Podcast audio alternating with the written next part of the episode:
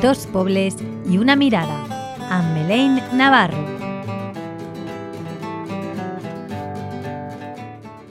Bon dia! Abans de res, vull aclarir el meu punt de vista. És estrictament una part minúscula de l'ample espectre dels nord-americans. Convivim centenars de belles cultures, com a Espanya. Només puc expressar els meus pensaments com filla de descendents alemans polonesos que viuen al mig oest. El que dic no és representatiu dels Estats Units. Ara bé, fem una ullada més profunda a l'arròs dels dos pobles.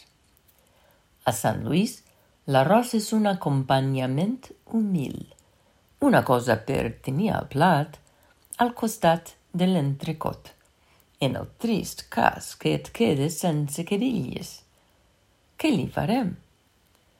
Amb un ove, l'arròs pot ser digne d'un estel Michelin. Oh no, això depèn dels comensals, que mai a la vida estan d'acord. En la meua família monovera, sempre, però sempre passen hora parlant de l'arròs. Això com a mínim.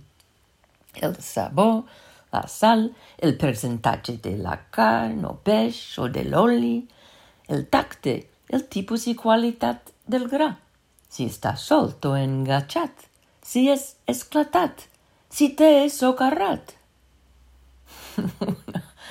Una vegada, fa poc, Paco va fer servir un altre tipus d'arròs nomenat albufera.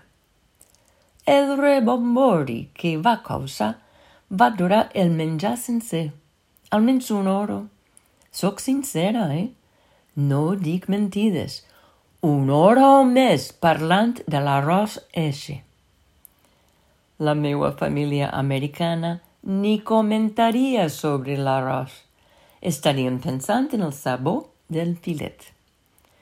Tampoc comentem gaire sobre el menjar a taula. Perquè no se ofenga el cuiner, diem «Ai, que bo! Felicitats al xef!» És igual que siga bo o ruïn. Allà, la crítica culinària és un tema molt delicat. Esperem que el xef se'n vagi per atacar-lo. Però anem a veure. La meua família monovera no va ser mai delicada a l'hora de comentar sobre el menjar. Adeu, goodbye. Monovero, descloso del carrer nausa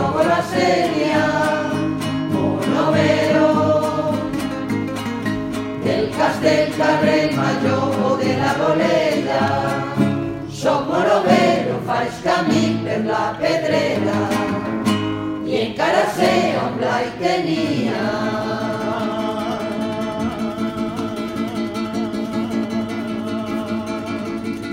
La cegua venta,